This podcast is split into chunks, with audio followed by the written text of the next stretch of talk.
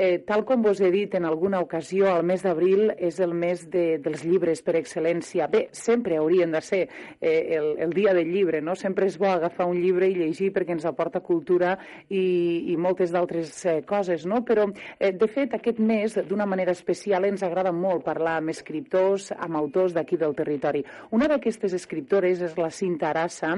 Ella és llicenciada en Ciències Polítiques i de l'Administració i escriu ja des de que tenia 11 anys de fet, mai ha deixat de fer-ho i fins i tot un dels darrers premis que, que ha rebut, Enric Valor, ella comenta en una entrevista que li fan que això ha servit per a donar-li més impuls per a continuar escrivint. Avui nosaltres la tenim aquí, eh, via telefònica, precisament per a parlar d'aquesta escriptora tan jove. Cinta, benvinguda, bon dia. Hola, bon dia. Bé, primer que res, jo llegia que, que tu als 11 anys ja vas, ja vas començar a escriure. Això ja, ja és una cosa innata, una cosa que, que es porta dins, Cinta? Mm, suposo, no sé si es porta dins o no. Jo, jo sé que, que vaig començar a escriure mm, eh, a, a, clar, evidentment a l'escola, no? com, com la majoria de gent, i, i després, poc després, me van, me van regalar un diari i no vaig parar d'escriure de, des de llavors. No, no sé si ho portava dins i no ho sabia, i quan, i quan me van donar d'alguna manera les eines vaig començar, no ho sé, però sí que, sí que sé que sempre, sempre he escrit, i, i les èpoques que pel que sigui no he pogut escriure, per la feina o pel que sigui, eh, ho he trobat molt, molt a faltar. O sigui, uh -huh. jo, jo no sé si t'encasellaria en un estil, perquè, clar, eh, has escrit eh, la novel·la Arran de l'Ebre, eh, els llibres, llibres infantils, On és el sol, Cucafera, Emergència al país de la màgia, El món dalt d'una sabata, Missió Trobairits, eh, Ja som a l'hivern, o sigui, llibres que, que van d'un context a un altre, llibres que igual van del món àrab o ens parlen o estan en el context de la setmana tràgica, no? O sigui, no tens un estil concret. Mm, no, no la veritat és que jo m'agrada pensar que, que l'escriptura, la literatura, és, és alguna, reflecteix d'alguna manera la vida i la vida és molt diversa. I potser és per això que escric, escric sobre les coses que m'interessen i que em criden l'atenció i en general també sobre aquelles coses que, que impliquen haver d'investigar una mica. M'agrada moltíssim haver d'investigar, fer algun viatge per documentar-me, el procés de documentació m'agrada molt. I quan, hi ha, quan detecto algun, parla d'algun tema que, que m'interessa o així, eh, jo el vull escriure, vull escriure sobre allò, sigui del que sigui. Uh -huh. I aquest procés, te costa molt, aquest procés, per exemple, quan vas escriure aquests llibres que, que, que fan referència al món àrab, també vas viatjar al món àrab per a, per a la seva cultura, per a descobrir coses que possiblement enriquirien el llibre? Sí, um, quan, de fet, la, la, la, els llibres sobre el món àrab, que n'hi ha dos de publicats, però eh, formen part d'una col·lecció una miqueta més gran eh, que es diu Les llegendes de la mitja lluna, la primera idea eh, la vaig tindre, me'n vaig adonar que tenia la idea, de fet la tenia des de molt abans, des de que, des de que a l'escola van començar a arribar xiquets i xiquetes de, bàsicament del Marroc, però quan em vaig adonar que tenia la idea dins i que tenia ganes d'escriure sobre, sobre el tema, no va ser un país pròpiament àrab, va ser un país, evidentment musulmà, però no pròpiament àrab, que és Turquia. Eh, la primera vegada que vaig, que, que vaig anar a Turquia que ara ja fa bastant de temps, ho fer 10 anys o així, eh, va ser llavors que vaig, que vaig, mm, vaig veure que, que volia escriure sobre allò. I després més tard he anat al... tampoc no massa, però he anat al Marroc i a Síria. Uh -huh. De fet, ets una viatgera també, no? Una persona inquieta per lo que m'estàs contant. Sí, m'agrada moltíssim viatjar. Per la meva feina durant bastants anys he, he viatjat bastant per Europa i sempre que tinc l'oportunitat m'encanta, m'agrada molt viatjar i, i sobretot mm, no el desplaçament físic, que també m'agrada, però el viatge cap a una altra cultura, m'agrada uh -huh. moltíssim. Escolta'm una cosa, i com es menja això? Tanta feina que tens, t'agrada tant escriure, quant temps, ten, quant temps tens per escriure? Mm, escric, sem escric sempre que puc, sempre vaig en una llibreteta eh, damunt i a vegades aprofito els trajectes en autobús o en metro, abans quan viatjava més en avió, eh, i escric um, a les nits, els caps de setmana, i jo sempre els meus amics i, i amigues ja ho saben, que jo molt difícilment puc fer alguna cosa a mitja tarda, perquè dic que ja em talla la tarda i ja no puc escriure, o quedo al migdia o quedo cap, més cap al tard, però però les tardes dels caps de setmana escriu moltíssim. Home, de fet, escriu moltíssim perquè fins i tot has col·laborat en, en mitjans de comunicació, no?, amb articles relacionats amb la literatura o amb la política. Sí, Sí, perquè jo vaig estudiar Ciències Polítiques i, i bueno, tinc, tinc una mica de dos vessants que per a mi estan bastant relacionades també. Com a mínim, jo m'agrada relacionar-les, m'agrada molt la, la literatura que, que, com deia abans, que reflecteix la vida i, i la vida també és política i també és, és situació social. I sí, en algunes èpoques, ara no, no col·laboro així de manera, mm, de manera periòdica amb cap mitjà de comunicació, però durant algunes èpoques sí que, sí que he escrit i m'agrada moltíssim. Què t'agrada més, adreçar-te al públic adult o al públic infantil? Perquè hem de recordar que tu tens eh, llibres adreçats a, a, als infants, no? Sí, Mm, no, no vull... Un dia la, la meva amiga, l'escriptora Coia Valls, va dir, quan li fan aquesta pregunta, perquè ella també escriu per a xiquets i xiquetes i per a adults, ella va dir, i per què he d'escollir? Jo dic el mateix, per què, per què he d'escollir? Jo no, mm, necessito escriure per a, escriure per als, do, per als dos públics, per als xiquets i xiquetes i per, als, i, la, i per a les persones adultes. Sí. Eh, depèn de com me sento, depèn de la història que vulgui explicar, de seguida veig si ha de ser per adults o si ha de ser per a menudets. I, i m'agrada no escollir. Clar, no és escollir tampoc, no? Sí. És senzillament que un sí. se troba més a gust. Eh, eh, és que en depèn tu tam... de l'època. Depèn de l'època i a més a més en tu també és molt atípic perquè si alguna vegada m'he entrevistat a, a gent que escriu, n'hi ha molts que només es dediquen a la, a la narrativa o molts altres que només es dediquen a la poesia i tu fas de tot. O sigui, tu escrius per a adults, escrius per a nens, te dediques a la poesia però també a la narrativa, o sigui, de tot, no? Sí, Mm, no no m'ho no havia parat a pensar, però mm, és que escric, suposo que és perquè escric de manera espontània, no, no tinc... Escric de manera espontània vol, mm, vol dir que, que quan me ve una idea al cap um, m'hi poso i, i llavors eh, d'alguna manera la idea que em ve al cap ja porta, ja porta implícit el gènere literari que ha de tindre i llavors escric.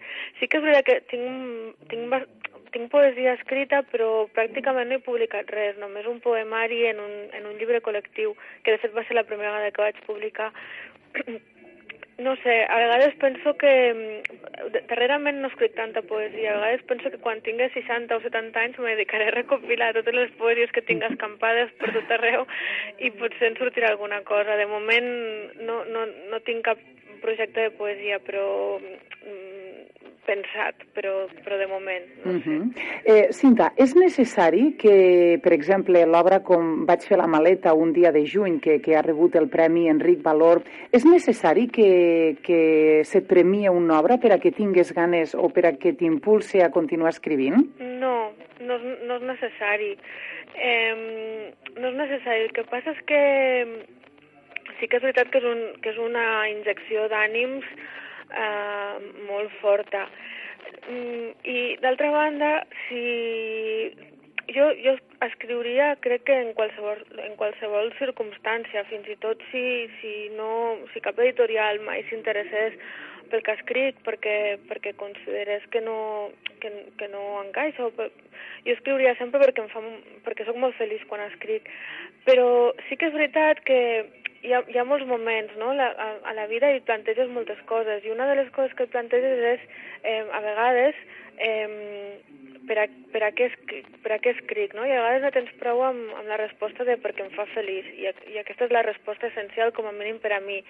Però sí que és veritat que a vegades necessites alguna cosa més, no? I, i, que, la, i que el que tu escrius eh, sigui útil o, o, o algú altre, algunes altres persones també ho consideren útil o bonic com a mínim, um, pues és una raó més no? per a continuar escrivint, a banda de la pròpia felicitat, que per a mi ja, ja, ja, ja, ja té prou pes. Molt bé. Vaig fer la maleta un dia de juny, és aquest llibre de, que ha rebut el Premi Enric Valor. Eh, Ajuda'ns a descobrir-lo. És, un, és un llibre que, que tracta sobre una injustícia social, no? sobre... És un llibre que, que explica uh, que explica la, la, la societat, com, com era la societat catalana i anglesa a principis del segle XX a través dels ulls d'una noia que té 16 anys, que viu a Barcelona, tot i que és, és d'origen ebrenc, i, i aquesta noia és la filla d'un industrial tèxtil molt important que ha de fer un viatge de negocis a Anglaterra i ell no parla anglès i per diferents circumstàncies s'ha quedat sense el traductor que normalment li feia de feines de traducció i interpretació i s'ha d'emportar sa filla per a que, per a que li faci d'intèrpret. I a través d'aquest viatge d'esta noia que té 16 anys, eh, des, jo he intentat com a mínim eh, que es veia una mica com era, la, com, com era injusta la societat a l'Europa occidental a principis del segle XX. Uh -huh. et sents identificada? Perquè, clar, ara m'acabes de dir que, que és una noia d'arrels ebrenques que viu a Barcelona igual que tu, no? Eh, no sé si has escrit mai una obra en la que tu hagis dit, mira, esta és com jo, no? O alguna cosa d'aquestes. Com jo, no. Eh, però sí que és veritat que al, al final quan jo com a mínim quan escric, clar, escric sobre el que jo he viscut, no puc escriure sobre el que no he viscut o sobre, que, sobre el que no sé o sobre el que no he llegit. I, i clar, sempre hi ha una miqueta de, de tu dins de cada personatge, uh -huh. però, però no, no, no és... No, no, no, no sóc jo. No. Se't fa necessari escriure sobre coses que realment coneixes? Vull dir, eh, hi ha molts escriptors que, que bueno, escriuen, inventen, ideen i no en tenen ni idea del que escriuen, a lo millor, no?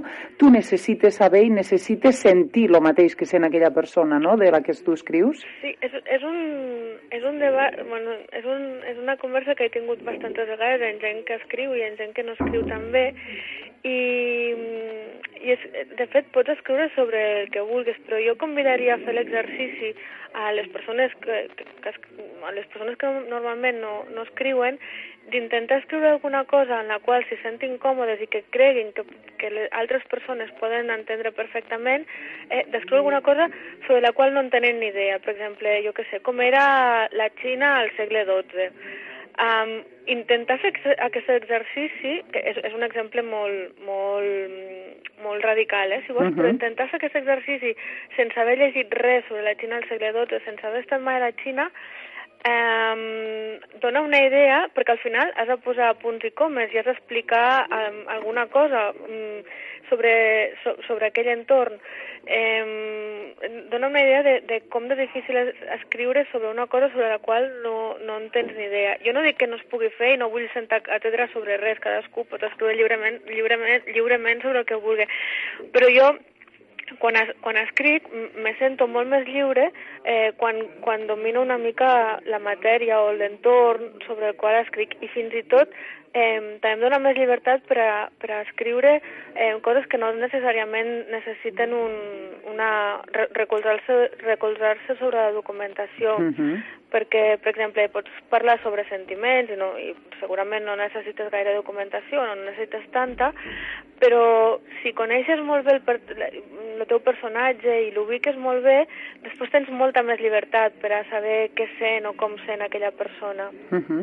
eh, de fet, tu mm, coneixes de prop eh, escriptors d'aquí de les Terres de l'Ebre, tot i que estàs a Barcelona, eh, suposo que te continues en contacte amb la gent de les Terres de l'Ebre. Com veus des de la distància eh, precisament això, l'àmbit literari ebrenc. Cada vegada eh, sembla ser que, que tenim noves promeses de, del, món de la, bueno, mm, del món de la narrativa, no? cada vegada també eh, tenim aquestes fires que potencien també aquests escriptors. Com ho veus tu?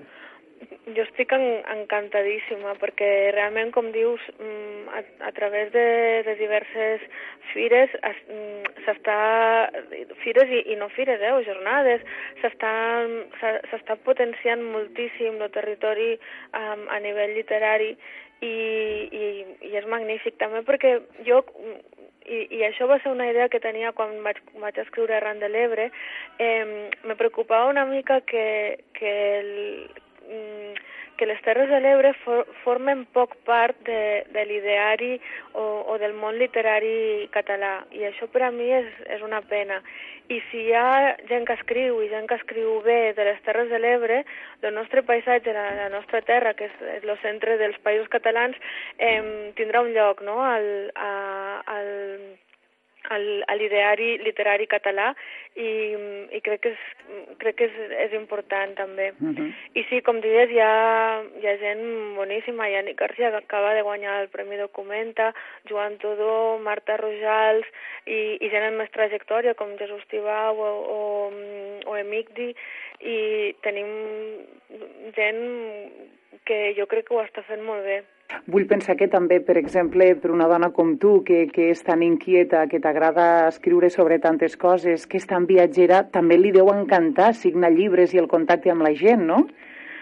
Sí, se'm fa una mica, a vegades em fa una mica estrany això de, de signar llibres, mm, perquè mm, no, no, no, sé, no sé per què, però se'm fa, se'm fa estrany. Ara, m'encanta parlar amb la gent quan, quan me trobo algú que s'ha...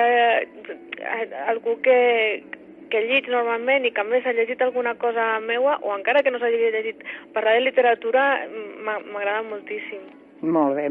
Eh, bé, la veritat és que ens agrada moltíssim que, que avui ens hagis parlat d'aquestes històries teues. Eh, recomanem a la gent que, que pugui escollir, que pugui triar un llibre de, de Cinta Arassa. Especialment vaig fer la maleta un dia de juny, que és un dels darrers. No sé si a hores d'ara ja tens pensat, no sé si tu ets d'aquestes escriptores que quan acabes un, com aquell que diu, ja tens pensat un altre. Sí, normalment, de fet, escric tres o quatre coses alhora. Eh, dos segur, i a vegades tres o alguna més alhora.